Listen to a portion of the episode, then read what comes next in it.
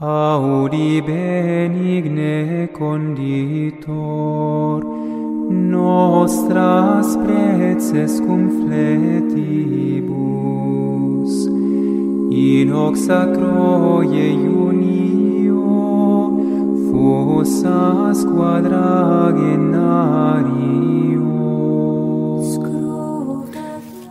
Vrienden, ik woon aan een straat waar nogal wat drempels liggen, zo ongeveer om de 200 meter. Er zijn ook nogal wat andere obstakels, die kunstmatige bochten en sluisjes. Waarom zijn die er? Heel eenvoudig, om ervoor te zorgen dat de mensen zich een beetje aan de maximum snelheid houden.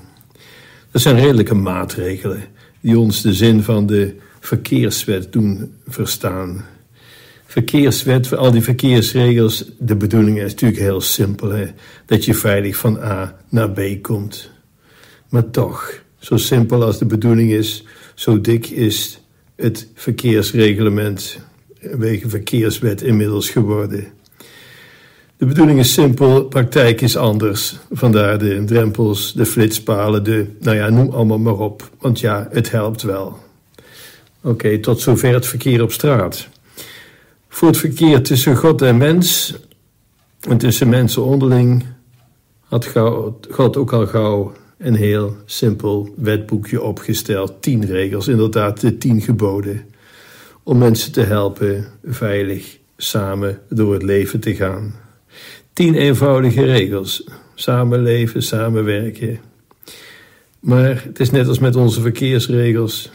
Ze worden niet verstaan als handreiking als hulpmiddel, maar eerder als hinderpaal. En daardoor, daarom proberen we van alles om eraan te ontkomen. En daardoor komen er weer steeds meer regeltjes. Ja, het zijn natuurlijk beperkingen, en die zijn nodig, maar we voelen het ook als beperkingen van onze vrijheid. Goed, waar wil ik naartoe? Het evangelie van vandaag. De overspelige vrouw, u kent het, bekend uh, stukje evangelie wet en straf. Er is een overspelige vrouw, er zijn een paar omstanders. De vrouw is op heterdaad betrapt. Je zou zeggen, dan moet er ook een man zijn, maar kennelijk ja, is er die aan ontkomen. En de strafmaat, de wet van Mozes zegt, de doodstraf door steniging. En dan vragen ze natuurlijk aan Jezus, als strikvraag natuurlijk, wat zegt hij ervan? Als hij zegt nee, geen steniging, dan gaat hij tegen de wet van Mozes in. Um, en dan is hij weliswaar barmachtig, maar ja, maar ja, dan klopt er toch iets niet. Ze willen hem op een manier vangen. In eerste instantie zegt Jezus niets. Hij schrijft dat in het zand. Wat, dat weten we niet. Maar even later, hij staat op. En hij klaagt niet zozeer de vrouw aan, maar hij zegt heel simpel: Wie zonder zonde is, werpen de eerste steen. En we weten het gevolg. De een na de ander druipt af. Ja, hypocrisie. Als er iets is waar Jezus een hekel aan heeft, is het wel dat.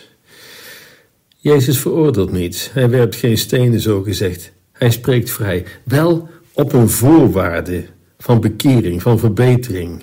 Want let wel, die genade die Jezus schenkt, het is nooit goedkope genade. Jezus sprak haar gedrag bepaalt niet goed. Ga heen en zondig niet meer. Met andere woorden, het kan anders, het was niet goed. Hij laat zien hoe God is, een geduldige God. Een barmachtige vader, denk even aan het evangelie van vorige week van de verloren zoon. Een vader die liever vergeeft dan veroordeelt.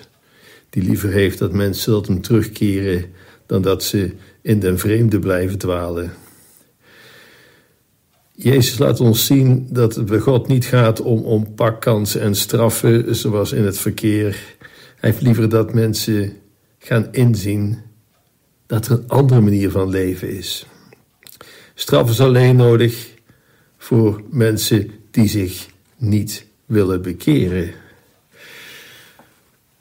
Je zou natuurlijk kunnen gaan denken, als God zo barmachtig is voor bijvoorbeeld de verloren zoon, zoals vorige week, of de overspelige vrouw, het evangelie van vandaag. Kortom, voor alle zondaars, ja, dan lijkt het haast wel of het niet uitmaakt hoe je leeft, goed of slecht, want ja, God is toch voor iedereen barmachtig. Is dat zo? God is barmhartig, zeker, maar er staat wel iets bij. En zondig niet meer. Is God voor iedereen barmhartig uiteindelijk? Het simpele en ook misschien wat schokkende antwoord is nee. Alleen voor degene die spijt heeft, die inziet dat het niet goed was, die tot één keer komt, die om vergeving vraagt. En dat deed de verloren zoon, dat deed de tollenaar, dat deed de goede moordenaar. En dat werd ook tegen de vrouw van vandaag gezegd: ga heen en zondig niet meer, kortom, het moet anders. De kerk predikt Gods barmhartigheid. Dat vinden de mensen mooi en terecht. Het is een kernpunt van ons geloof. Maar dat andere zinnetje, wat eraan vastzit, en zondig niet meer, de oproep tot bekering, dat horen we een stuk minder. En de mensen vinden het ook allemaal minder aangenaam. En misschien is dat wel de reden dat we het achterwege laten, wat eigenlijk een beetje lafjes is. Gaat heen en zondig niet meer. En wij zeggen vaak, ja, ga gewoon verder met je levensstijl. En dat lijkt mild, maar dat is het niet. Want je stuurt de mensen het moeras in, het is liefdeloos. Ik merk het zo vaak. We kennen de bekende de items wel, waar de kerkelijke gedachtegang haak staat op wat de seculiere maatschappij ervan vindt. En toch moeten we dat blijven verkondigen. En niet gemakshalve maar zeggen: ach, het is deze tijd. Nee, het is niet de weg van het heil. We moeten erop wijzen. En niet zo mooi en niet zo prachtig als die vergeving die je mag ondervinden als je erom vraagt. Vraagt en je zult krijgen. Bij vergeving geldt dat letterlijk. En als je de mensen verkeerde pad opstuurt of verkeerde pad laat lopen, dan komt die vergeving niet aan de orde. En je eindigt niet in de armen van de barmhartige Vader. Jezus haat de zonde en houdt van de zondaar. Dat is wat Augustinus zegt en dat is ook zo.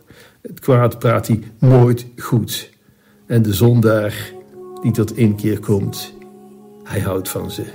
Onze tijd het draait het helaas vaak om. De zonde wordt gebagatelliseerd. En voor de zondaar zijn we snoeihard. Kijk naar de cancelcultuur of naar de wookwaanzin. Misschien moesten we eens wat vaker in de spiegel naar onszelf kijken in plaats van met stenen naar anderen te gooien.